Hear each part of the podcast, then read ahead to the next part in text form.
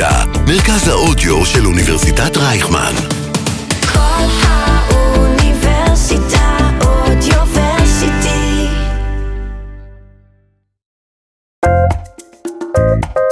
אקדמיקס. אקדמיה בגובה העיניים. עם יוסי מצרי.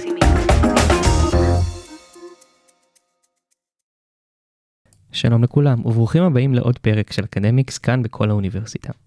בשנים האחרונות השיח על ההשפעה של הרשתות החברתיות על קשרים בין אישיים ועל החברה באופן כללי הולך ומתגבר.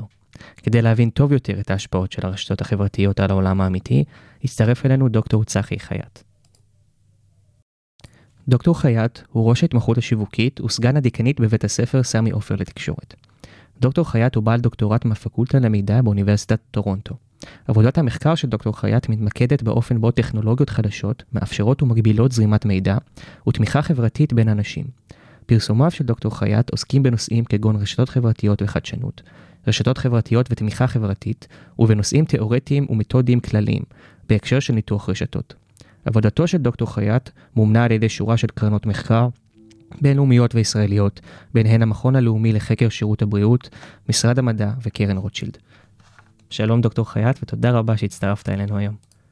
אז שלום למאזינים, שלום יוסי, אני שמח להיות פה ולדבר איתך. המשרד שלי הוא פה בהמשך המסדרון, אז זה ככה קרוב, אבל תמיד נחמד להיכנס פה לאולפן, ל mode של ראיון כזה. איזה כיף, איזה כיף.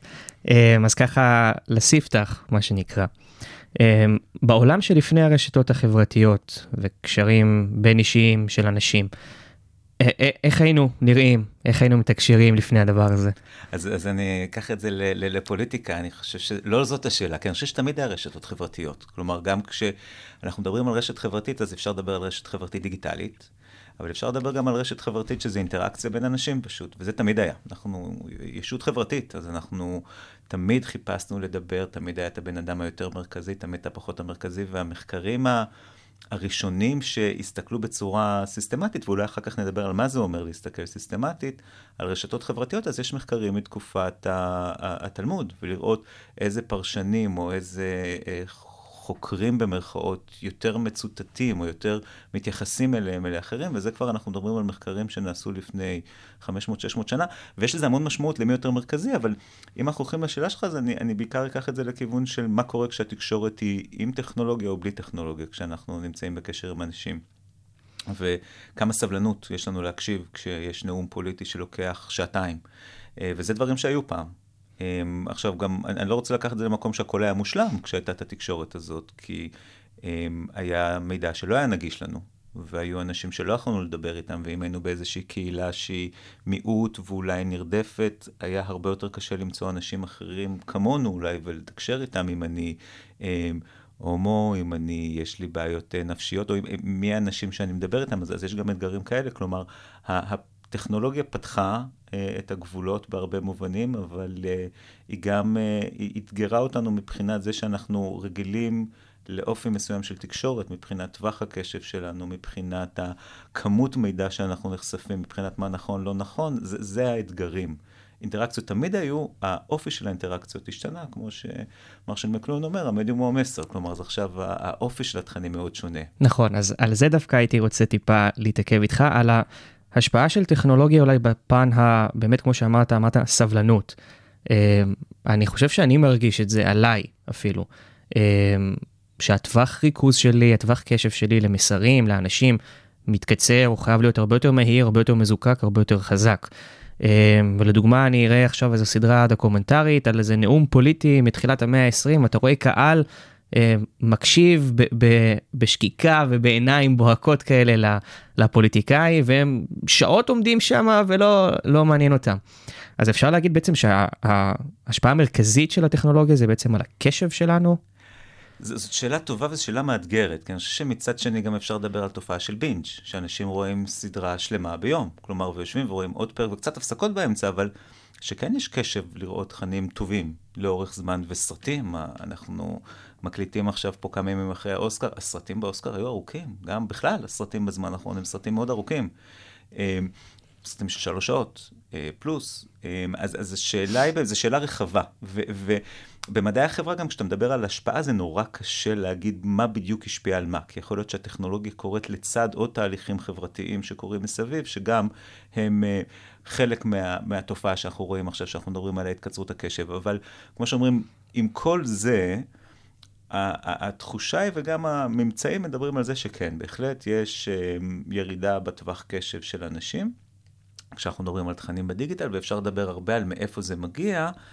אמ, ופה אפשר לקחת לכל מיני כיוונים את, החשיבה הזאת, אבל בגדול, בגדול אנחנו מדברים על זה שהיום הרשת החברתית, סלאש פלטפורמת תוכן שנכנסה לחיינו בסערה טיק טוק, בעצם מאוד מאתגרת את מה זה אומר תוכן שאנחנו צופים, כמה הוא ארוך וכמה הוא מותאם בדיוק להפעיל אותנו מבחינה רגשית ולתת לנו ככה את השוט של התוכן שהכי מפעיל אותנו רגשית, פונה לת...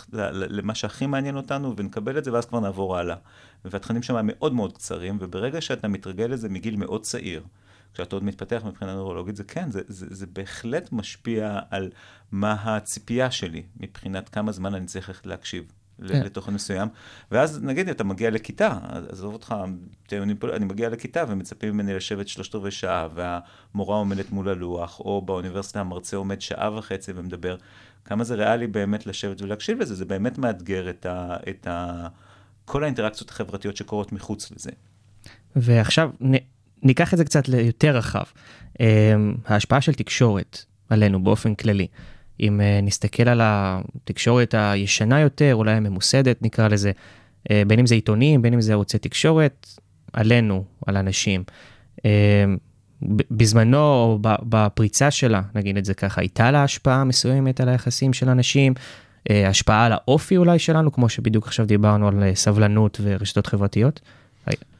אז תראה, התחום של השפעות בתקשורת זה תחום שהוא נחקר כבר באמת לפחות בצורה במיינסטרים, לפחות 70-80 אה, שנה ככה יותר. אמ, ואז אנחנו מדברים גם על גלים, מה, איך אנחנו מסתכלים על השפעה בתקשורת. ואז באמת יש פרדיגמות ויש תיאוריות, טילי טילים של עבודות שאני לא, אני לא אכנס לזה יותר מדי, אבל אני כן רוצה לתת דוגמה לתיאוריה אחת ולחבר אותה. אז אחת התיאוריות אולי המרכזיות בתחום של התקשורת, שמדברים על השפעה של תקשורת, שבעצם מאתגרת את איך אנחנו חושבים על זה, זו תיאוריה שמדברת על אה, הבניית מציאות. שזה אומר, התקשורת לא תגרום לי לשנות את העמדה שלי על נושא מסוים. זה נדיר שזה קורה, שנניח, אנחנו נמצאים עכשיו, הפיל שנמצא פה ברקע זה הרפורמה סלאש מהפכה משפטית. אמ, אז, אז סביר להניח שהתקשורת לא תגרום לי פתאום לשנות ב-180 מעלות את מה שאני חושב. אמ, מה שהיא אולי יכולה לעשות, וזו התיאוריה של הבניית, אמ, אה, הבניית סדר יום, זה להגיד, מה הנושא הכי חשוב על סדר היום. וזה התקשורת עושה מאוד טוב. כלומר, מה הסיפורים בכותרות, מה הנושאים שהם כאילו הכי חשובים, שהכי משפיעים עלינו, ואז זה, זה, יש לזה השפעות שהן יותר עדינות. כי אם אני תופס את הנושא שהכי חשוב עכשיו על סדר היום, נניח, זה נושא ביטחוני, אז אולי אני מוכן לספוג פגיעה בזכויות אה, הפרט, פגיעה ב... אני לא יודע מה, אולי אפילו כלכלית, כי אני תופס את אה, איראן כאיום הכי גדול, אז זה ה top priority, ואז דברים אחרים אני מוכן לשים בצד. כלומר, התעדוף של מה הכי חשוב בעיניי, או איך אני תופס בגדול את, ה, את האג'נדה הציבורית, ז, זאת השפעה שאנחנו יכולים לראות. עכשיו, זה משהו שמסורתית דיברו עליו באמת בהקשר של טלוויזיה, עיתונות, מה נמצא בדף השער, מה לא נמצא, מה נמצא ב, בראש מהדורות החדשות, מה מקבל יותר זמן, מה עושים follow-up. אז זה באמת לתקשורת יחסית קל מבחינת הפרקטיקות גם להגיד מה חשוב ומה לא חשוב. אמ, אבל אז באמת מגיעים לאלגוריתם.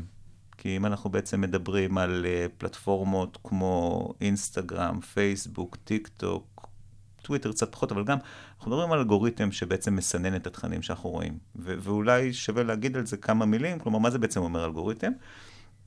כשאני רואה את הפיד שלי, וזה לא משנה באיזה רשת חברתית, מישהו או משהו מחליט מה אני אראה שם. ובעצם המשהו הזה מחליט את זה על סמך מה. מה, מה הקריטריונים שנלקחים בחשבון שמחליטים מה אנחנו נראה. אין פה בהכרח, או אפשר להגיד אפילו אין פה כמעט בכלל, איזשהו אה, חשיבות אה, חדשותית. מה, מה חשוב שנראה כי אנחנו צריכים להיות אזרחים אה, מושכלים שיודעים מה קורה מסביב.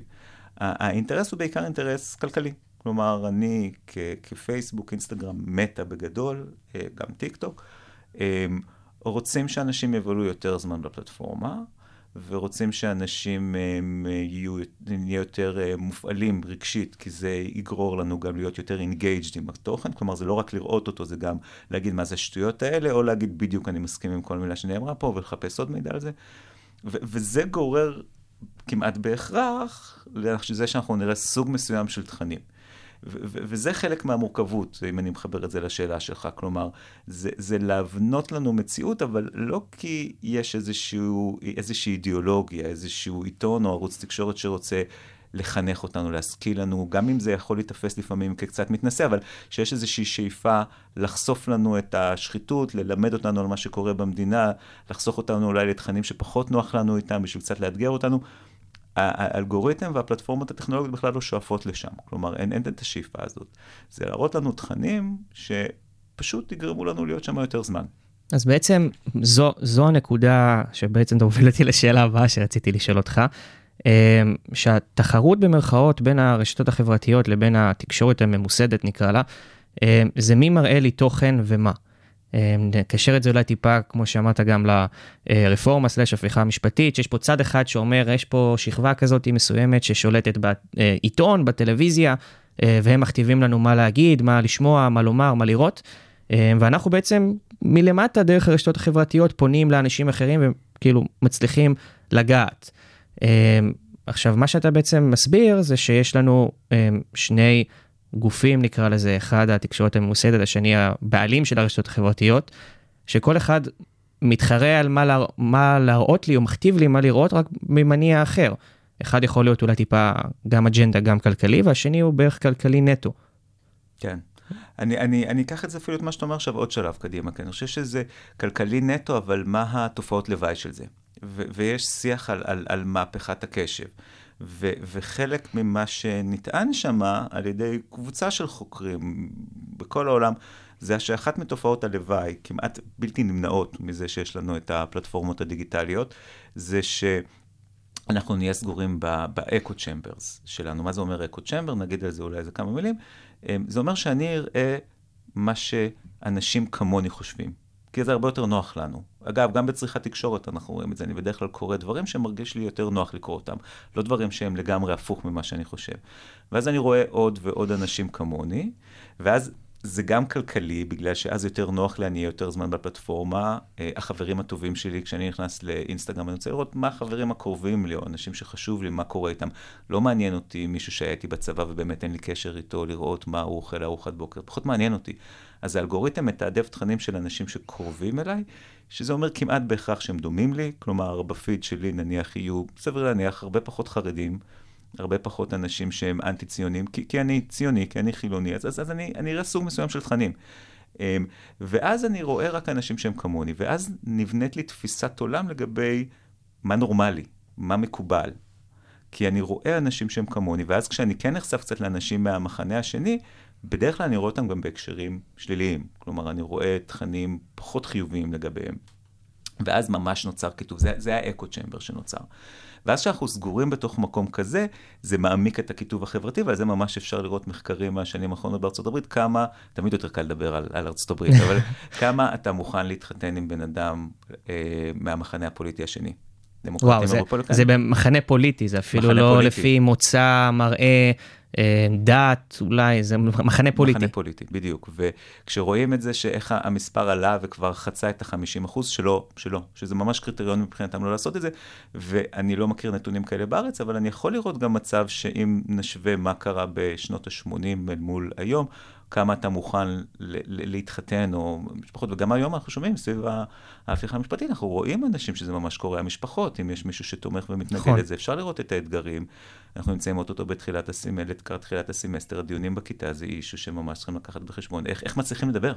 כי מעבר להכל, ובאמת לא ניכנס פה לדיון פוליטי, מעבר להכל, איך, איך מצליחים לתקשר כשאתה לא מסכים על, על, על, על העובדות? איך אתה מצליח לתקשר שם? ו- ואיזה ערכים בסיסיים כן עדיין אפשר למצוא שהם יחצו, אבל, אבל אם אנחנו חוזרים לתופעת לוואי של הטכנולוגיה, שזה בעצם מה ששאלת, אז, אז, אז, אז זה לא רק במרכאות שזה היבט כלכלי, התופעות לוואי של זה, של קיטוב, של לגרום לזה שיש קבוצות בחברה שהן פשוט לא, לא, לא מתקשרות. אנחנו רק על להסתכל על ישראל, אבל בארצות הברית הייתה פריצה לקפיטול. כלומר, זה, זה משהו שאם היו אומרים לפני כמה שנים, זה היה בלתי נתפס. נכון. כלומר, לחשוב שיש דבר כזה קורה, ופייק ניוז, ושהבחירות נגנבו, וזה לא במדינות עולם שלישי עם תקשורת, מדינות שיש בהן את העיתונים הכי טובים בעולם, הניו יורק טיימס, הוושינגטון פוסט, עדיין יש אנשים שלא מאמינים בהתחממות גלובלית, שלא מאמינים שהבחירות באמת היו כמו שצריך, שלא מאמינים שה... החיסונים, או ש... באמת, תבחר את התיאוריית קונספירציה שאתה רוצה. ו- וגם זה מתחבר, גם תיאוריות קונספירציות ופייק ניוז מתחבר לאג'נדה הכלכלית של הפלטפורמות הדיגיטליות. אז, אז, זה השפעה ברמה המאוד עמוקה. כלומר, זה לא רק במרכאות, זה שאנחנו, פחות יש לנו סבלנות ו- ואנחנו יכולים פוטנציאלית להיחשף למידע יותר מקוון. יש המון ניואנסים שפועלים שם מאחורי הקלעים שמשפיעים עלינו. הייתי רוצה בעצם לשאול אותך על, על הקיטוב, כי אה, עכשיו שאנחנו מדברים, אז עולה לי השאלה של אה, נניח לפני 50 שנה, 40 שנה, אה, עיתון מסוים בעל אג'נדה פוליטית, ערוץ טלוויזיה, whatever. אה, מציגים דעה אחת, לא יודע, צד אחד, אה, אוכלוסייה אחת, לא משנה. אה, ואוכלוסייה אחרת מרגישה ממודרת, שלא שומעים אותה, שלא יודעים עליה. האם הקיטוב לא נוצר כבר אז? זאת אומרת, זה לא משהו שאנחנו סוחבים, לא יודע, מהיותנו בני אדם, ואני יותר דומה לך, וא' יותר דומה לב', וככה אנחנו. אז, אז כן, כלומר, עצם זה שאנחנו בני אדם, יש המון עבודות בפסיכולוגיה חברתית שמדברות על ה in-group וה out-group, כלומר, יש את האנשים שאני דומה להם ואנשים שהם במחנה השני. זה לא משהו חדש, זה לא משהו שהטכנולוגיה המציאה, ממש לא. וכמו שאתה אומר, מלחמות על בסיס לאום היו מאז ומעולם. שבטים נלחמו עם שבטים אחרים, זה, זה לא משהו חדש. אני חושב שמה שאנחנו רואים עם האינטרנט זה, נתחיל קצת אחורה. אחת השאיפות היו, אחת ה, חלק מהחזון שהיה סביב האינטרנט, זה היה באמת הרעיון שהאינטרנט יכול לפתוח לנו פה אפשרות באמת לשבור גבולות, לתקשר, ואם אני, מעניין אותי פוליטיקה, היסטוריה, אה, תרבות, אין לי בעצם מגבלות, אני יכול לתקשר עם אנשים בכל העולם שאני מתחבר איתם על אותו, אותם הרעיונות. אמ, וזה, וזה באמת היה איזשהו חזון מאוד אופטימי. וגם להגיד, להכיר קבוצות אחרות שלא נחשפתי אליהן. כלומר, היה פה איזשהו, איזושהי תפיסה מאוד אופטימית לגבי מה אפשר לעשות עם הרשתות. ומה שאנחנו רואים, וזה קצת מתחבר למה שאמרתי קודם, אפרופו נישואים בין קבוצות uh, פוליטיות, זה שהרשתות החברתיות, לא רק שהן לא עזרו מהבחינה של קיטוב, אלא הם גם העמיקו את זה. כי אני חושב שבשונה ממדיה מסורתית שהייתה, היה איזשהו, איזושהי מערכת. ישבו שם אנשים שהייתה להם איזושהי חשיבה על מה אנחנו רוצים מבחינה אידיאולוגית לקדם, אבל גם מה הנושאים שחשוב. ערכים דמוקרטיים, חשוב, לא חשוב, ליברליות, חשוב, לא חשוב. ו- וגם היה איזשהו גילוי נאות. כלומר, אני כעיתון הארץ מצד אחד, אה, אני יודע מה, מקור ראשון מצד שני, יש לי איזושהי אג'נדה מערכתית, ו- ואני חשוף, ו- ויודעים, הקוראים שלי בגדול יודעים מה האג'נדה המערכתית שלי. ברשתות החברתיות יש איזו תפיסה, וזה חלק מהמורכבות, זה שיש איזושהי תפיסה שכשאני צורך תקשורת, וכשאני צורך מידע ברשתות, אני לא תמיד יודע איך המידע הזה מסונן לי. ו- ואנחנו רואים שאנשים שהם צרכנים, שהם צורכים את זה לא, לא בצורה ביקורתית, אלא פשוט נכנסים לפיד שלהם, יש להם איזושהי הנחה שככה ככה ככה נראית נראה המציאות. הפיד, ככה כאילו נראה ככה המציאות, אצל כולם. בדיוק. ואז זה יכול להיות אחרי הבחירות, אנשים מאוד מסכימים, יגידו, אני לא מבין, כל הפיד שלי היה מרץ, איך יכול להיות שהם לא עברו את אחוז החסימה? או, או מצד שני, מה, מה זה כל ההפגנות האלה? כלומר, אני לא מכיר אף אחד שהולך להפגנות האלה עכשיו, כלומר, ו- ו- ו- ואין את ההבנה העמוקה שמישהו מבנה לי את, את התוכן הזה, ו... וזה מאוד רלוונטי גם לעוד תהליכים שאנחנו עוברים עכשיו, בינה מלאכותית ואינטרפסים. יש איזושהי תפיסה שכשאנחנו רואים תוכן, או כשאנחנו רואים טכנולוגיה שמתו- שמתווכת לנו משהו, זה אובייקטיבי, זה נכון, זה מדעי. אה, וזה לא, מישהו תכנן את זה. אה, יש אלגוריתם עם הטיות. אה, והחשיבה הזאת היא מאתגרת מאוד, כלומר, כשמדברים על אוריינות ואיך לצרוך מידע בצורה יותר ביקורתית, חלק מזה זה להבין שגם שם יש הטיות. אז כמו שאתה אומר, זה לא משהו חדש. פשוט אנחנו מגיעים קצת יותר נאיבים כצרכנים, וגם אני, כשאני צורך מידע לפעמים, קשה לי לעשות את הלנקות ולהגיד, לא, לא, לא, זה יש פה הטיות, יש פה אלגוריתם, זה, הרבה יותר קל לי להגיד, ככה, ככה נכון, זה נראה נראה, מסביב. בדיוק, נראה נקי, נראה שאף אחד לא שיחק שם, וכולם רואים את מה שאני רואה, נכון. ו... נכון, ואפרופו, קצת אמרתי קודם על, על, על הבניית מציאות, או קביעת סדר יום, תיאוריות בתקשורת, כשאני רואה את הפיד שלי מלא במשהו, אני תופס את זה שככה רוב האנשים סביבי חושבים. כשיש טוקבקים ואני רואה טוקבקים מסוימים, אז זה, זה יוצר לי לחשוב שהמציאות נראית בצורה מסוימת. אני לא יודע כמה בוטים היו שם, אני לא יודע כמה אלגוריתם תייתב את מה שאני רואה, וזה חלק מהבעיה. אז, אז זה היה קיים כבר קודם, הטענה היא שעכשיו זה אפילו מעצים את זה עוד יותר. נראה שפשוט יש, לא יודע אם פחות פיקוח, אבל אולי יד מחו... כאילו, עובדים עלינו, במרכאות. כן. אז עכשיו, זה, זה לגמרי יש פחות פיקוח, גם איך אתה באמת יכול לפקח על פייסבוק, כלומר, או על מטא. אבל אני לוקח אותנו כדוגמה, כי זו פלטפורמה בינלאומית. אמ, עכשיו בארצות הברית יש, וזה ארצות הברית עם כל ה-first amendment וחופש הביטוי, מדברים על לחסום את טיק טוק בארצות הברית. למה זה, זה אולי, אולי נגיע לזה אחר כך, אבל אמ, קשה נורא לעשות את זה. גם כשאתה אומר, זו פלטפורמה שהיא בשליטה סינית, או שיש לסינים נכון. שם איזה שזה, קשה נורא לחסום אותם. מה אתה עושה עם זה? וזה, אה, שוב, אה, ממשלת ארה"ב. נשיא הברית נחסם בפייסבוק ובטוויטר. אז, אז מי יותר חזק ממי? זו שאלה נורא מורכבת, ואז באמת קשה לחסום. אבל מצד שני גם, השאלה מי צריך לחסום שם, איך עושים את זה, יש פה עיבותים נורא מורכבים. ו- וזה, אני לא רוצה שזה יישמע נורא פסימי. תמיד כשיש טכנולוגיה חדשה, יש בהתחלה איזשהו זמן של ללמוד איך מסתגלים ואיך מתמודדים איתה. זה היה עם כל טכנולוגיה. בעבר היו, עם, ה- עם הטלוויזיה היה ספרות, ניל פוסטמן, אחד החוקרים המובילים בתקשורת, אמר אובדן הילדות. כלומר, אין יותר ילדות בגלל הטלוויזיה, כי לא צריכים לקרוא, רואים תכנים מאוד בעייתיים, ילדים, אין שום חסם. הילדות הלכה לאיבוד, בגדול. כל טכנולוגיה זה קורה. אמ, אז כן, אבל, אבל זה מורכב, זה מורכב מאוד, וזה, זה, זה, זה, תמיד צריכים לעשות zoom out ולראות שזה מורכב גלובלית. כלומר, מה שקורה בישראל, וקל לראות עם הפייק ניוז ואיך שזה משפיע עלינו, קרה גם בארצות הברית, קרה גם בברזיל, קרה בכל העולם סביב הקורונה, זה היה מגפה מקבילה, נכון. מגפת הפייק ניוז במקביל, מה עושים, איך מתמודדים עם זה, זה אתגר, אתגר אמיתי שיש. אז באמת אני רוצה לשאול אותך על המושג פייק ניוז, שהוא ככה צמח עם צמיחתן של הרשתות החברתיות. אה, בין אם זה פייק ניוז, בין אם זה כפירה באמת, או עובדות אלטרנטיביות, כל אחד רואה את זה אחרת.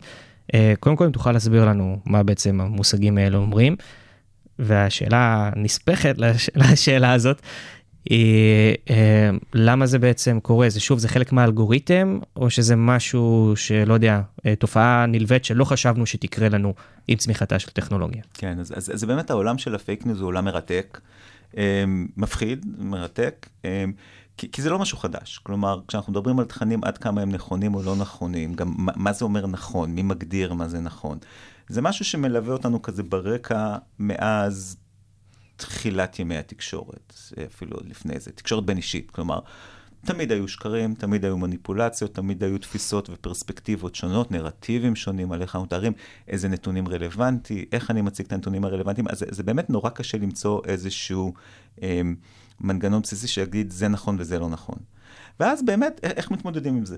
וזה זה הולך גם לפרקטיקות עיתונאיות, שזו שאלה, ואז יש איזשהו קוד אתי שמגדיר שאני, יש איזשהו גילוי נאות, יש איזושהי, אמ, אמ, מוסכמות בין עיתונאים למה נכון לסקר, איך נכון לסקר, כמה נכון להציג את שני הצדדים של הסיפור וכולי, וזה מורכב, וזה מורכב, ומתפתח קונצנזוס, אבל הוא משתנה כל הזמן. כלומר, חלק מהטענות עכשיו זה שלא תמיד נכון להציג את שני הצדדים, כי לפעמים יש צד אחד שהוא במוצהר לא נכון, ולא נכון להיכנס.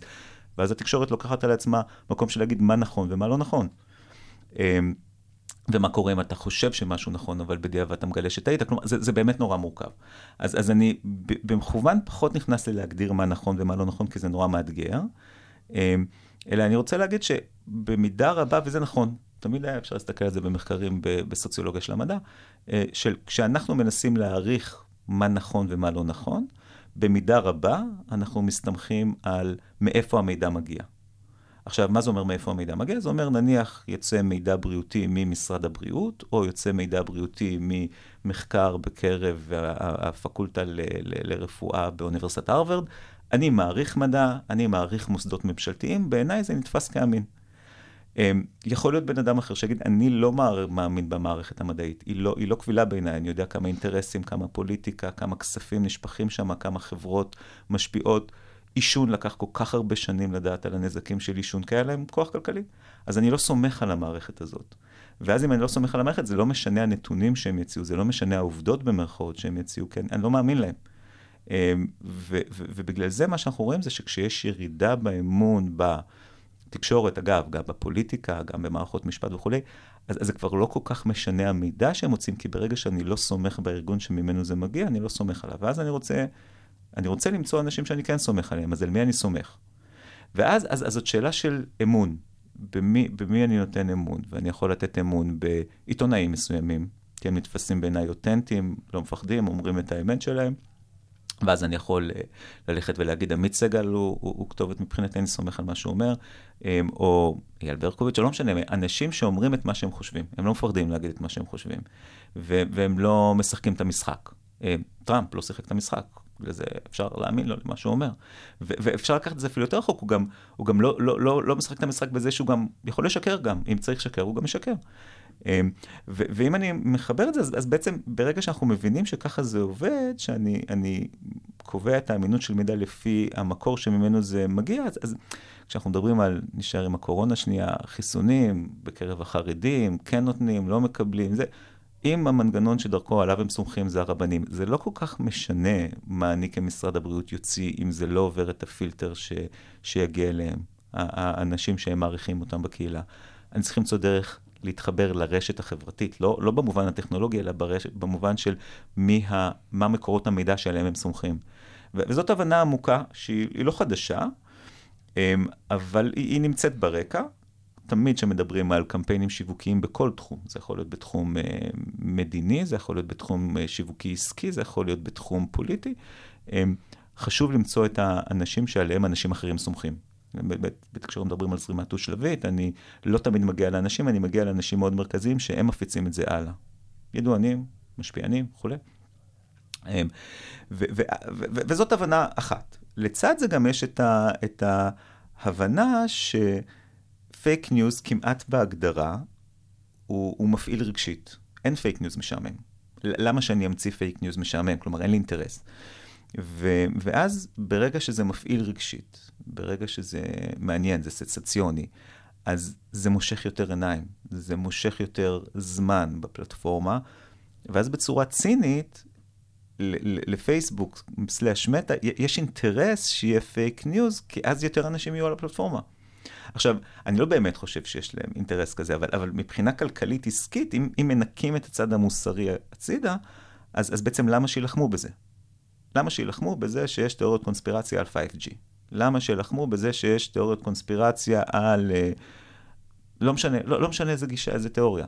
ו, ואז בעצם, ברגע שהאלגוריתם רוצה, לומד מה מעניין אותנו, ורואה שמעניינים אותנו תכנים מסוימים, אז הוא אומר, בוא ניתן להם תכנים כאלה, רק יותר סנסציוניים, יותר מפעילים רגשית, שהם יותר יישאבו לזה, וממש אפשר לראות את זה ביוטיוב, יש מחקרים שמראים שכשאני מסתכל על משהו ביוטיוב, הסרט הבא על אותו נושא והסרט הבא על אותו נושא, כל אחד ייקח אותי למקום קצת יותר קיצוני, בשביל לגרום לי לרצות להמשיך לראות את זה, כי ככה האלגוריתם עובד.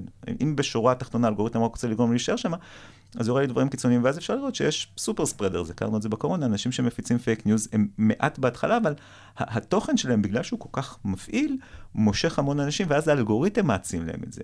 זה לא, זה לא שום דבר אחר מעבר לאלגוריתם. אפשר להגיד שזה בעצם משחק של רגש מול שכל באיזשהו מקום? אמ, אני חושב שבמובן מסוים כן. כלומר, אני חושב שבהרבה מקומות זה... אמ, אני עובד עם פרופסור מורן ירחי, ואחת המטאפורות שנתנה זה שפייק ניוז זה קצת כמו, כמו מיץ פטל, אתה צריך שיהיה איזשהו בסיס אמיתי, אה, אבל אז מוסיפים לזה הרבה מים. ותמיד יש שם איזשהו בסיס אמיתי. אמ, אבל אז אתה מוסיף לזה הרבה, אז, אז, אז יש משהו עם, עם, עם שכל שם, ברור. אמ, אתה יכול לתת איזה משהו, אבל, אבל יהיה הרבה דגש על ההיבט הרגשי. אה, בפייק ניוז, כמעט תמיד. והאמת היא שהיבט רגשי מפעיל את כולם. כלומר, אנחנו רואים את זה בעולמות השיווק, במחקרים בשיווק, אנחנו רואים את זה המון. כלומר, סטטיסטיקה, טוב ויפה, אבל זה לא מה שיגרום לנו לקבל החלטה. צריך לדעת איך לעטוף את זה, איך למסגר את זה בצורה שהיא תגיע אלינו, ושם מגיע ההיבט הרגשי. אז הרושם שנוצר לי זה שכל חברה, לא רק בישראל, בארצות הברית וכולי, אמ, עם המצב הזה, כל, הח... כל החברות האנושיות מתפרקות לאט לאט לגורמים יותר קטנים. זאת אומרת, ההבדלים בינינו נהיים יותר ויותר משמעותיים, כל אחד מאמין או בוחר להאמין לסמכות מסוימת, למקור מידע מסוים, לא סומך על הצד השני. אמ, ואולי עכשיו אנחנו ניקח את ארה"ב, אה, שתי מפלגות גדולות, רפובליקאים, דמוקרטים, לא רוצים להתחתן אחד עם השני. אבל מה יקרה כשזה, אתה יודע, יעבור להם מצב של קהילות, או ערים, או אף אחד לא סומך על השני. אז אני אגיע לשאלה שלי, אמ, איך אנחנו מגשרים על הדבר הזה? יש פתרון? אמ, תראה, זה מורכב. זה מורכב, אבל שוב, גם, גם תמיד חשוב לזכור שהמהפכה שאנחנו רואים עכשיו עם הרשתות החברתיות, מה שקורה, זה, זה, זה משהו שאנחנו בהיסטוריה, הרבה מצבים. כלומר, קל לנו להגיד, חיינו בתקופה מסוימת שהייתה יותר רגועה, יותר נינוחה, וזה זה המצב הקיים, זה הנורמה. זה לא הנורמה. כלומר, הנורמה משתנה. אמ, ומדינת ישראל היא 75 שנה, כלומר, אנחנו, אנחנו מקבלים את זה כנתון, לא, זה גם כן משהו חדש שעוד מתעצב ולומד, והמון אתגרים. אמ, ואז השאלה היא בעצם, מה, מה, איך אנחנו רואים את ההתפתחות, ובעצם אולי להגיד מה, מה לדעתנו נכון כחברה, כ- כאולי גופים אקדמיים, הרדיו פה נמצא במסגרת האוניברסיטה, מה, מה, מה יותר נכון לנו כ- כשאיפה. ואני חושב שאם אני, אמ, יש משהו שאני אני מאמין בו מבחינה טכנולוגית, שיש איזשהו, נקרא לזה חטא קדמון, בהקשר של אה, פלטפורמות דיגיטליות. וזה שאנחנו אנחנו לא משלמים על התוכן. וברגע שאתה לא משלם על התוכן, זה כבר הפך להיות קלישה, אז, אז אתה המוצר. המוצר. אתה המוצר, כי ברגע שאני לא משלם על התוכן, אז צריכים איכשהו להרוויח כסף. הם שוק קפיטליסטי. לא, אולי הזדמנות להגיד, זה לא הכל זה כאן תאגיד השידור, שיש או תחנת רדיו אוניברסיטאית, שיש באמת אינטרסים להעביר ידע ולתרום בהיבט תרבותי, חברתי וכולי.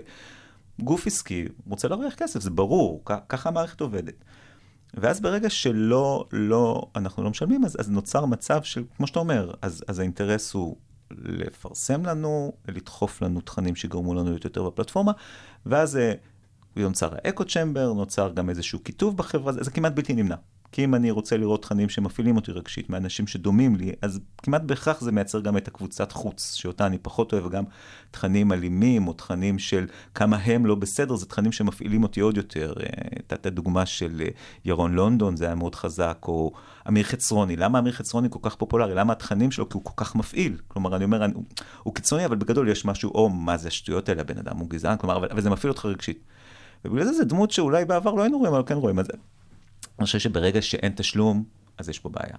אמ, ואז בעצם אפשר לחשוב, ורואים היום מודלים שמדברים על זה, שצריך להיות micro payments, כלומר שיהיה איזשהו מנגנון שאני עושה כמו לייק כזה, ואני משלם 0.01 סנט. ואז יש תמריץ לבן אדם שמייצר תוכן, לייצר תוכן איכותי. לא בהכרח מקטב, לא בהכרח תלוי פרסומות, אלא להגיד, אני רוצה לייצר תוכן איכותי. ואז הכלכלה, התמריצים יהיו לייצר תוכן איכותי.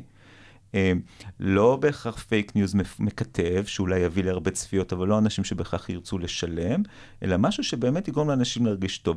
וזה משהו שאנחנו רואים פלטפורמות שמנסות להתחיל לחשוב על זה, האתגר הוא באמת לבנות איזשהו מודל כלכלי. כי, כי פייסבוק היום נמצאים, אני משתמש בפייסבוק כדוגמה, במקום שגם אם הם היו רוצים, הם לא באמת יכולים להגיד עכשיו בואו נחסום את כל הפייק ניוז ונרד, באנשים יהיו 40% פחות זמן בפייסבוק. הם לא יכולים עסקית לעשות דבר כזה. המחזיקי מניות יגידו, אנחנו לא, לא, לא מוכנים. כלומר, אנחנו מוכרים את זה, אין, אין אפשרות. אז זה ממש צריך להיות שינוי עמוק במודל העסקי. אה, כמו נניח להגיד, אנחנו רוצים לבסס את ה micro payments, או להגיד פלטפורמה שנעים לאנשים להיות שם, ובגלל שנעים הם יבלו שם יותר זמן, כי בטוויטר לא נעים, אז עוזבים את טוויטר, אז בואו נייצר פלטפורמה שיותר נעים. אבל זה ממש צריך להיכנס לחשיבה העסקית, גם ערכית. כלומר, אז גם להיכנס מקום ערכי של אנשים, אבל ערכי לבד לא יכול לעבוד. באמת. זהו, אז אני רוצה לקחת את השיחה שלנו לכיוון אחר של הרשתות החברתיות, באמת הזכרת את המילה אה, ערכי, אה, ועל העוד השפעות שיש להן על, ה, על הפרט, עלינו כאנשים אה, בודדים, פרטיים, אה, ואני ככה אתן לך איזה מסקנה מאוד מאוד גסה שאני אני הסקתי. אה, אם אפשר להגיד שהרשתות החברתיות הן מקרבות את מי שרחוק אליך, לאו דווקא קשור, בין אם זה משפיען, בין אם זה מישהו מחו"ל, או חבר שלך מהצבא, ומרחיקות אותך מאנשים שבאמת קרובים אליך. לדוגמה, המשפחה, חברים קרובים, ונוצר פה איזשהו משהו שהוא משפיע על החיים שלנו. אז אמ, אני, אני מנסה לחשוב איך לענות, כי זו שאלה מרתקת בעיניי, זה דברים שאני מתעסק בהם במחקר שלי. אמ, ו, ואני אני מנסה לחשוב מאיזה זווית תהיה הכי נכון להסתכל על זה. אז אני, אני, אני, אני אקח את הזווית הסוציולוגית הקלאסית, שיש יש מושג שנקרא הון חברתי. כמה באמת אה, משאבים אני מקבל מהקשרים החברתיים שלי. אוקיי, מה זה אומר משאבים חברתיים? זה אומר, אני צריך אה, עזרה, אני תקוע בלילה, אני צריך שמישהו יבוא לאסוף אותי, יש לי חברים להתקשר אליהם, או אני עכשיו בקושי כלכלי, יש לי מישהו שיכול להלוות לי עכשיו. הברית מסתכלים על אלף דולר שיכול לעזור לי, וזה מאוד משמעותי לכמה סביר אפילו שאני, יהיה לי נטיות אובדניות. כש, כשיש לי אנשים להישען עליהם. וזה יכול ללכת גם למקומות של אני בדיכאון, ויש לי בן אדם להתקשר ולהגיד לו, אחי, אני, אני עכשיו מרגיש חרא, כלומר, אני רוצה, בוא, בוא, בוא נשב, בוא נדבר. אמ, ואז השאלה היא, איך הקשרים החברתיים שלי תורמים לי. ו- ויש פה טווח מאוד גדול, כי זה יכול להיות גם בהיבט המקצועי, כשיש אנשים שאני עכשיו רוצה להזמין מרואיין לפודקאסט הבא שלי, ויש לי למי לפנות, אני יודע מי האנשים שיכולים לעזור לי עם זה. אמ, וגם באמת תמיכה נפשית, זה, זה טווח נורא רחב. ואז אם אני מחבר את זה לשאלה שלך, אז בעצם אז השאלה היא קודם כל, מה זה מבחינתי לתרום? כלומר, מה, למה הרשת חברתית אמורה לתרום לי? אמורה לתרום לי מקצועית, היא אמורה לתרום לי נפשית, היא אמורה לתרום לי לקבל החלטות פוליטיות, אה, שיווקיות, מסחריות, מה לקנות, לא לקנות, זה, זה נורא רחב. אה, ואז אם אני עוד מוסיף לזה עוד נדבך אחד, זה גם איזה סוג של קשרים יש לי שם, מי האנשים שאני, וזה חוזר לשאלה שלך, מי האנשים שאני נמצא איתם בקשר שם. אה, וכמה, מה זה גם אומר להיות בקשר? אני מעלה תכנים, לא מעלה תכנים, אני מגיב להם, הם רואים אותי בפיד שלהם. כל הדברים האלה. ובגדול מה שאנחנו רואים, ופה זה חוזר לשאלה שלך, שאני חושב שרשת כמו פייסבוק, מאוד קל להגיד שהיא באמת מבחינת הקשרים הקרובים, משפחה, חברים טובים, שם זה באמת, הרשת הזאת היא פחות משמעותית, וגם בלשמר, ובגדול אני אומר, כמובן שיש מקרי יוצאי דופן שנניח חברים טובים שנסעו, ואני רואה תמונות, נולד להם ילד או יום הולדת, אני יכול לברך אותם ולזכור ימי הולדת, כלומר, כיף. זה להיכנס. משהו מדהים. כן, אני נכנס בכל הוול שלי מלא בברכות לזה, נורא כיף, וגם אני זוכר לברך אנשים, אני רואה שקרה משהו, אני פוגש אותם, אני אומר, וואלה, ראיתי שזה וזה, עבודה חדשה, מברוק. אבל בג... שוב, אבל בגדול אפשר להגיד שבקשרים קרובים, אה, פייסבוק סלאש אינסטגרם משחק תפקיד פחות מרכזי בשימור של הקשרים האלה, מאוד בגדול. אבל לקשרים רחוקים, נניח מבחינת פוטנציאל עסקי, מוח כוורת, אני רוצה עכשיו עזרה להגיע לסמנכ"ל שיווק של זה וזה, כי אני רוצה לעשות איתם איזשהו שיתוף פעולה. זה, זה, זה באמת מקומות שזה יכול יותר לעזור לי, ואז באמת הפוטנציאל של הרשת הוא אדיר.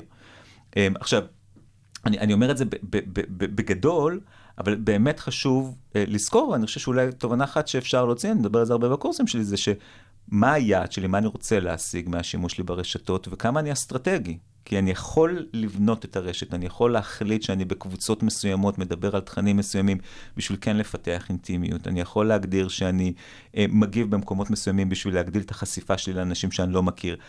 אבל אם אתה נשאר פסיבי ורק צורך תכנים ורק מקבל את ההמלצות של הקשרים שהאינסטגרם סלש פייסבוק ממליץ לך, אז, אז, אז, אז אתה לא יכול באמת להפיק את התועלות האלה.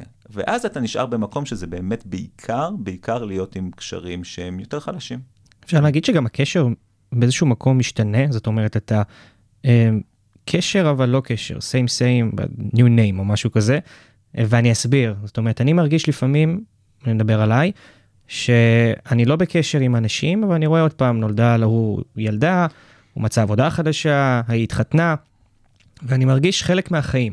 כאילו, אני חווה, אני יודע מה קורה עם הבן אדם. כן. אבל אני לא באמת בקשר איתו. אז, אז אני חושב שפה זה, זה כבר הולך לשלב הבא של איזשהו, נקרא לזה אוריינות. כלומר, זה לדעת איך לפעול ברשתות, או מה נכון. עכשיו, אוריינות זה, זה מילה נורא רחבה, זה עכשיו Buzzword מאוד חזק, במה חשוב מבחינת הדפוסי שימוש במדיה דיגיטלית באופן כללי. אבל כשאנחנו מדברים על רשת חברתית, אם אני צורך פסיבית, ויש על זה מחקרים, זה יכול לפגוע גם ב-well-being, במצב הרגשי שלי. כלומר, אתה אומר, אני רואה מה קורה, אבל מה אתה רואה? כלומר, מה אנשים מעלים? בן אדם סביר להניח שהוא לא יגיד, אני פוטרתי אתמול מהעבודה, אני על הפנים, אני, אני לא יודע מה לעשות. או אני עכשיו העליתי ככה וככה, כאילו אני בדיכאון. אתה רואה את הדברים הטובים, אתה רואה את החופשה, אתה רואה את העבודה, אתה רואה את הילדים באמת, כמה הם מצליחים בבית ספר, חופש, ארוחות בוקר, מסעדות, בילויים וכאלה. ואז אתה, אתה כאילו יודע עליו, אבל אתה לא באמת מכיר אותו. כי, כי כמה הוא אותנטי במה שהוא מציג שם, כמה אתה יכול להיות אותנטי במה שאתה מציג ברשתות, זו שאלה. אמ, ואז, זה, אם אתה מסתמך רק על זה, זה, זה, זה באמת כמעט בהכרח פוגע בקשר שלך עם בן אדם.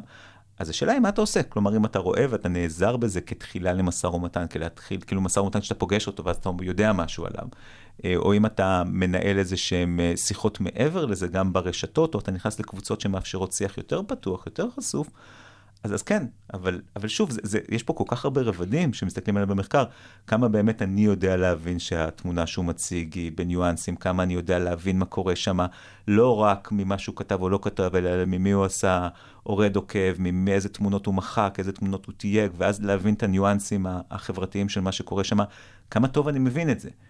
אה, וזה עולם שלם, אבל זה, זה תמיד היה עולם חברתי, עולם מורכב.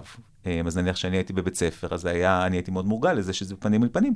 עכשיו זה קורה גם בדיגיטל, ו- וצריכים ללמוד להבין את זה, אבל גם להבין את ה... את ה, את הכשלים או את המקומות שזה לא עובד טוב. כי יש למשל שיחות שבאמת פחות טוב לעשות אותן באונליין, ואולי עדיף לעבור לפלטפורמות אחרות שבהן אני יכול יותר להעביר רגש, יותר להתמודד עם חוסר ודאות ועם דברים שהם יותר קשה להבין אותם, יותר social cues קוראים לזה, כלומר שאני יכול לקרוא את השפת גוף של הבן אדם.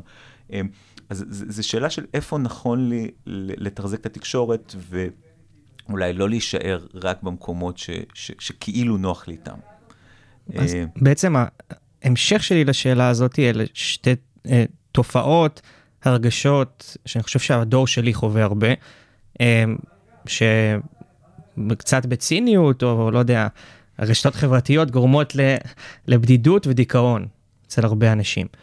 אה, אז אני אתחיל דווקא עם הבדידות. איך קורה בעצם שרשתות חברתיות שעל פניו אמורות לקשר בינינו, לחבר בינינו, אה, גורמות לאנשים להרגיש יותר בודדים? כן, אז, אז אה, זו שאלה טובה, כי זה תחום שהוא עכשיו מאוד מאוד נחקר אחרי הקורונה. אני חושב ש... אה, וזה חוזר לדברים שדיברנו עליהם גם קודם. קודם כל, איך אני לומד לפתח אינטימיות? וזו שאלה מורכבת, גם מה זה אומר אינטימיות, אבל אם אני רוצה להכיר אנשים, זה שיש לי אפשרות אה, לשתף ב...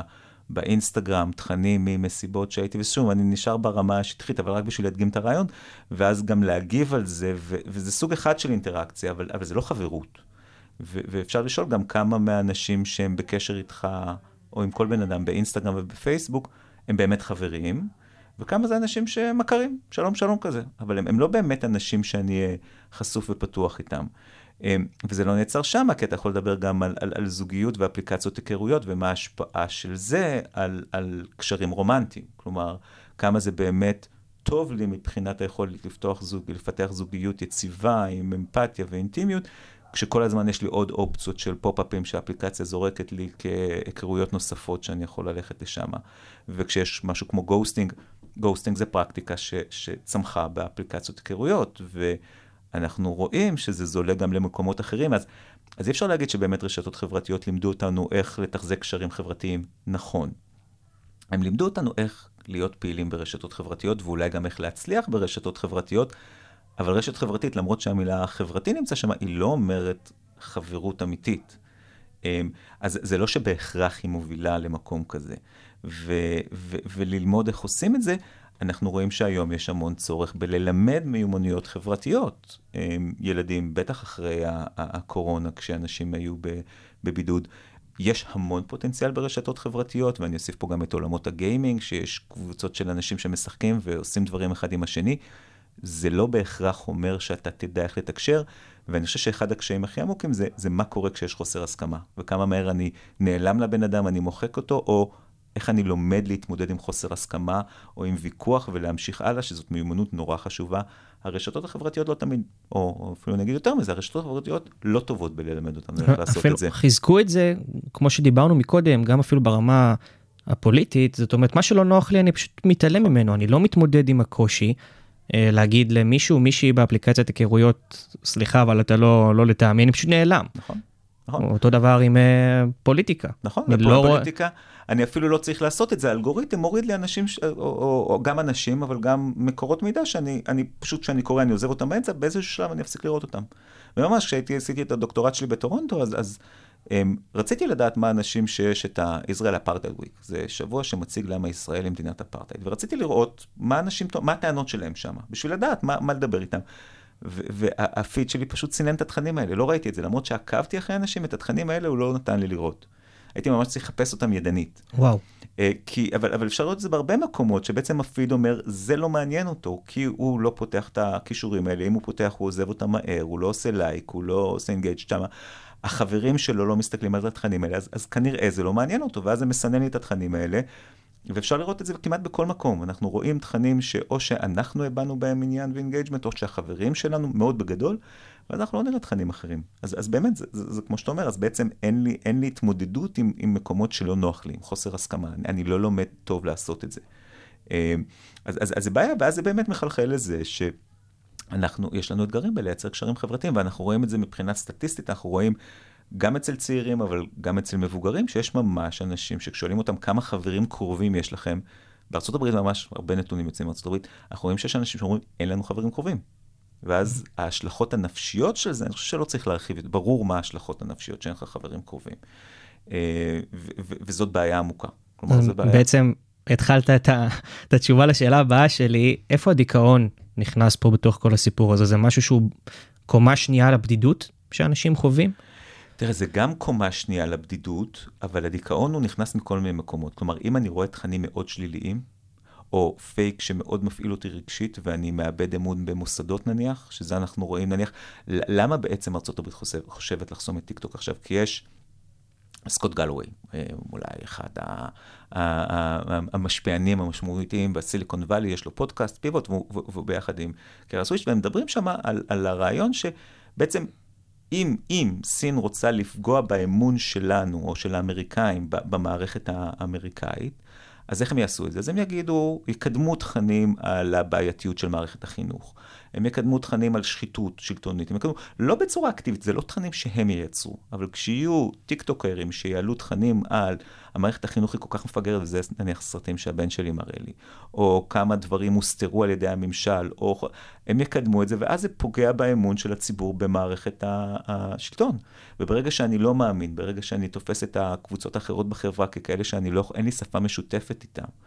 אה, ברגע שאני מאמין שיכול להיות שתהיה מלחמת אזרחים, וזה קל לדבר על ארה"ב, אבל אפשר לחשוב על זה גם בקונטקסט של ישראל, איך זה משפיע עליי נפשית.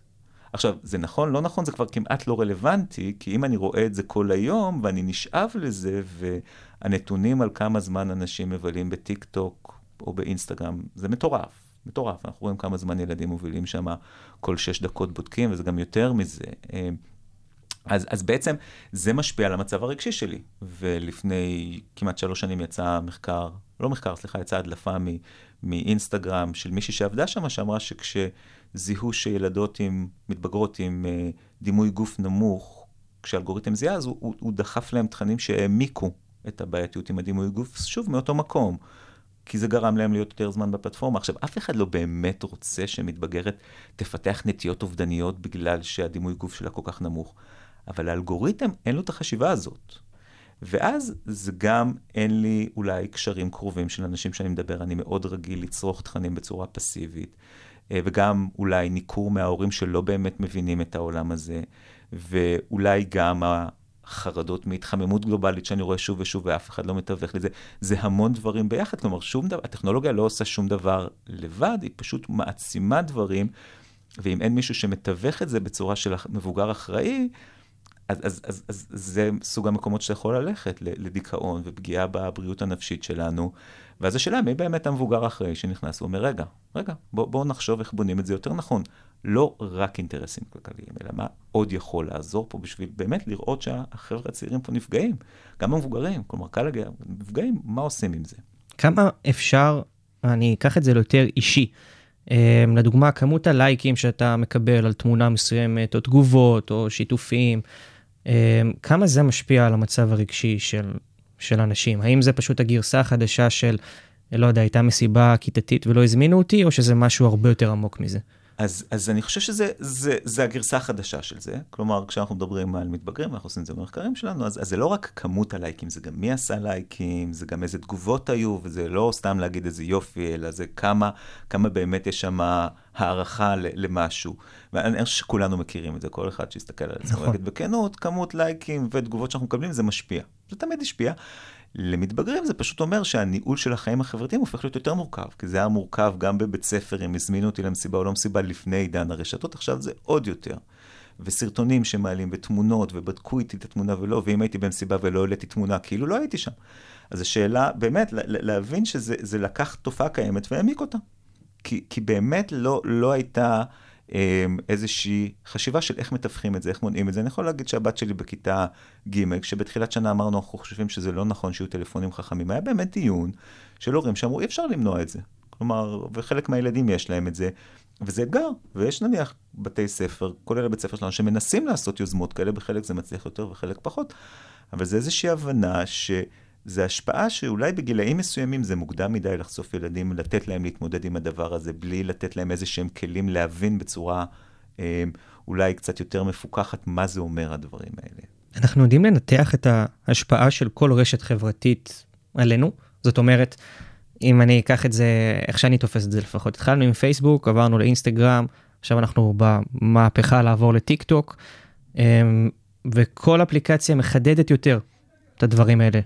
כן, ו- ואני אוסיף לזה עוד, זה, זה, זה גם הסוג פלטפורמה, זה גם האופי של הבן אדם, גם המאפיינים האישיותיים שלו, זה גם סוג הקשרים החברתיים שיש לו שם, וגם דפוסי השימוש שלו. כי תיאורטית אני יכול להיות בפייסבוק נניח, ולהיות בקבוצות פרטיות ולנהל שם שיחות אה, באמת אה, אינטימיות, קבוצות תמיכה.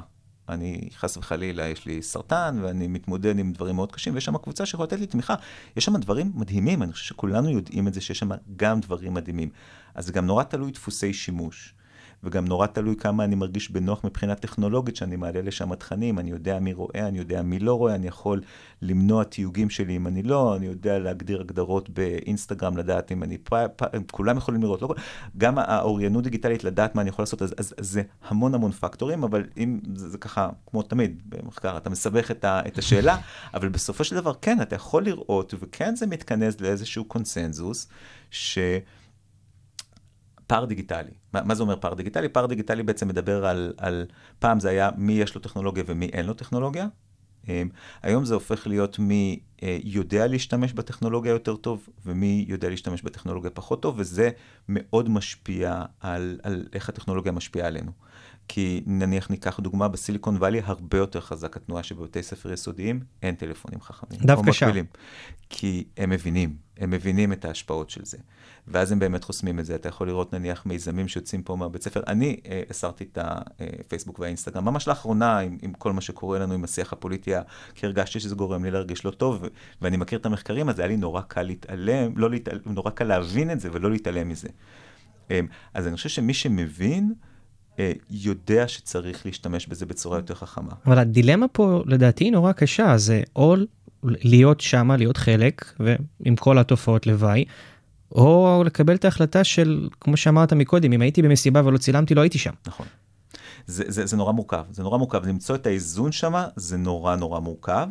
ו- וזה גם בשונה מהתמכרויות אחרות, כי לגמרי אפשר לדבר על זה מבחינת מה שזה מפעיל אותנו כ- כהתמכרות לכל דבר.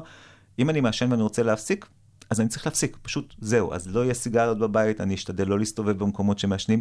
רשתות חברתיות, איך אני עושה את זה? כלומר, איך אני לא נמצא שם? אני אפסיד כל כך הרבה מידע שאני לא יודע, ואז לחשוב איך אני מנהל את זה נכון.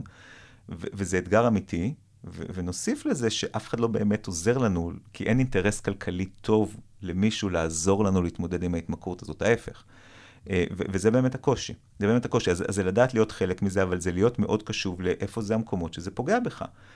כי, כי כמו כל התמכרות, אם אתה שמה, קשה להגיד אני אהיה שמה רק במקומות שטוב לי ולא במקומות שזה עושה לי לא טוב. ו- וזה באמת, זה, זה קושי אמיתי, זה קושי אמיתי. ואז זה, זה מתנקז בגדול לחינוך. כלומר, חינוך לצד, בתקווה, בטווח הארוך יהיו גם איזה שהם שינויים מבחינת ה... הפוליסי, המדיניות סביב איך, איך זה נכון שיהיה, ובאיחוד האירופי אנחנו כבר מתחילים לראות תנועה בכיוון הזה, אבל, אבל זה באמת מאוד חינוך לביקורתיות בבתי ספר.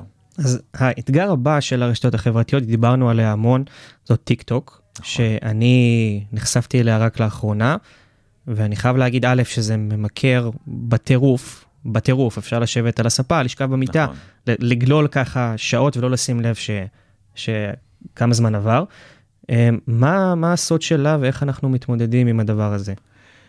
אמ, אז, אז אני אתחיל מהסוד, כי מתמודדים זה שאלה מי. כלומר, מבחינת טיק טוק כחברה, זה מדהים, כלומר הגדילה שלהם היא גדילה מטורפת. אה, מבחינת אה, אינסטגרם אנחנו רואים שהם מיישמים דברים, אגב ראיתי גם באפליקציה של נטפליקס שהם מכניסים דברים שהם דומים לטיק טוק, היבטים של טיק טוקיזציה של התכנים. אה, אז יש אימוץ של דברים משם, אבל אני אשאלת, אני אסתכל על, על השאלה שהיא בעיניי יותר מעניינת, זה באמת להגיד איך אנחנו כחברה מתמודדת עם זה. אז אני חושב שקודם כל, גם, גם חשוב לשים לב שנעשה פה איזשהו, איזושהי קפיצה. כלומר, טיק טוק זה נופל תחת הקטגוריה של רשת חברתית, אבל רוב התכנים שאנשים רואים בטיק טוק זה לא רק מהחברים שלהם, זה יותר לפי תחומי עניין. ובהקשר הזה גם חשוב להגיד שזה גם תחומי עניין שהוא לומד אותנו, האפליקציה לומדת אותנו מאוד טוב. אה, כי המנגנוני ההמלצה של נניח נטפליקס, כולנו חווים את זה שאתה מחפש משהו טוב, אתה מבלה איזה עשר דקות, רבע שעה, אפילו יותר, בלחפש משהו טוב. טיק טוק זה קופץ לך ישר שאתה נכנס. קופץ ישר וזה מדהים. כלומר, אתה לא אומר, טוב, זה לא מעניין, זה לא מעניין. אתה יכול להגיד שבהתחלה, אבל הוא לומד אותך נורא מהר, וזה אלגוריתם שלומד אותך, המנגנוני ההמלצה שלהם הם מאוד טובים. ואז בגלל זה כל כך קל להישאב לזה. ואז בעצם עולה השאלה, האם בכלל נכון להשוות את זה לאינסטגרם, או אולי יותר נכון להשוות את זה לעולמות תוכן כמו נטפליקס. כלומר, זה כבר התחרות הבאה של נטפליקס, זה, זה אינסטגרם, ואנחנו רואים שבקבוצות מסוימות, באמת, זה, זה הרפרנס, וכבר גם נטפליקס נמצאים במקום של הבנה, שיש פה תוכן שמתחרים, ו- ואגב, גם המנגנון שלהם, איך לעודד מייצרי תוכן, זה, זה מנגנון שונה. יש שם דברים מעניינים. הפלטפורמה מבחינה טכנולוגית היא מדהימה. כלומר, זה לא מקרי שגם חבר'ה צעירים וגם הספר שלי שאני הולך אליו, מדברים על זה שכשהם נכנסים נורא קשה להם לצאת מזה. אה, וזה גם אם מעניין אותך נושאים של היסטוריה ומדע, וגם אם מעניין אותך נושאים של ריקוד, וגם אם מעניין אותך נושאים של בישול ואוכל, הכל. אה, כי זה לומד אותך מאוד מאוד טוב. ואז בעצם ה... הקושי פה הוא בכמה רמות. זה לא רק הנתונים שזה אוסף עלינו, שברור שזה אוסף עלינו נתונים בצורה מטורפת ומבין אותנו, זה גם איזושהי הבנה שאנחנו נותנים ל... זה תמיד היה נכון, אבל עכשיו זה אפילו עוד יותר נכון, לפלטפורמה דיגיטלית לחשוף מתבגרים, חבר'ה צעירים, לתכנים שדרכם הם לומדים על העולם. ו- וזה, פה אפילו אין את האמירה שזה כביכול חברים, זה כבר מעבר לאקו צ'מבר החברתי, פה זה לוקח את זה אפילו לרמה של, זה ממש רק מבוסס העדפות תוכן שלהם. ואז, שוב, זו שאלה אם זה רשת חברתית או פלטפורמת תוכן, אני, אני חושב שזה יותר פלטפורמת תוכן. נכון. אמ, ואז בעצם מה זה אומר? כי מי, מי עושה אתיקה שם?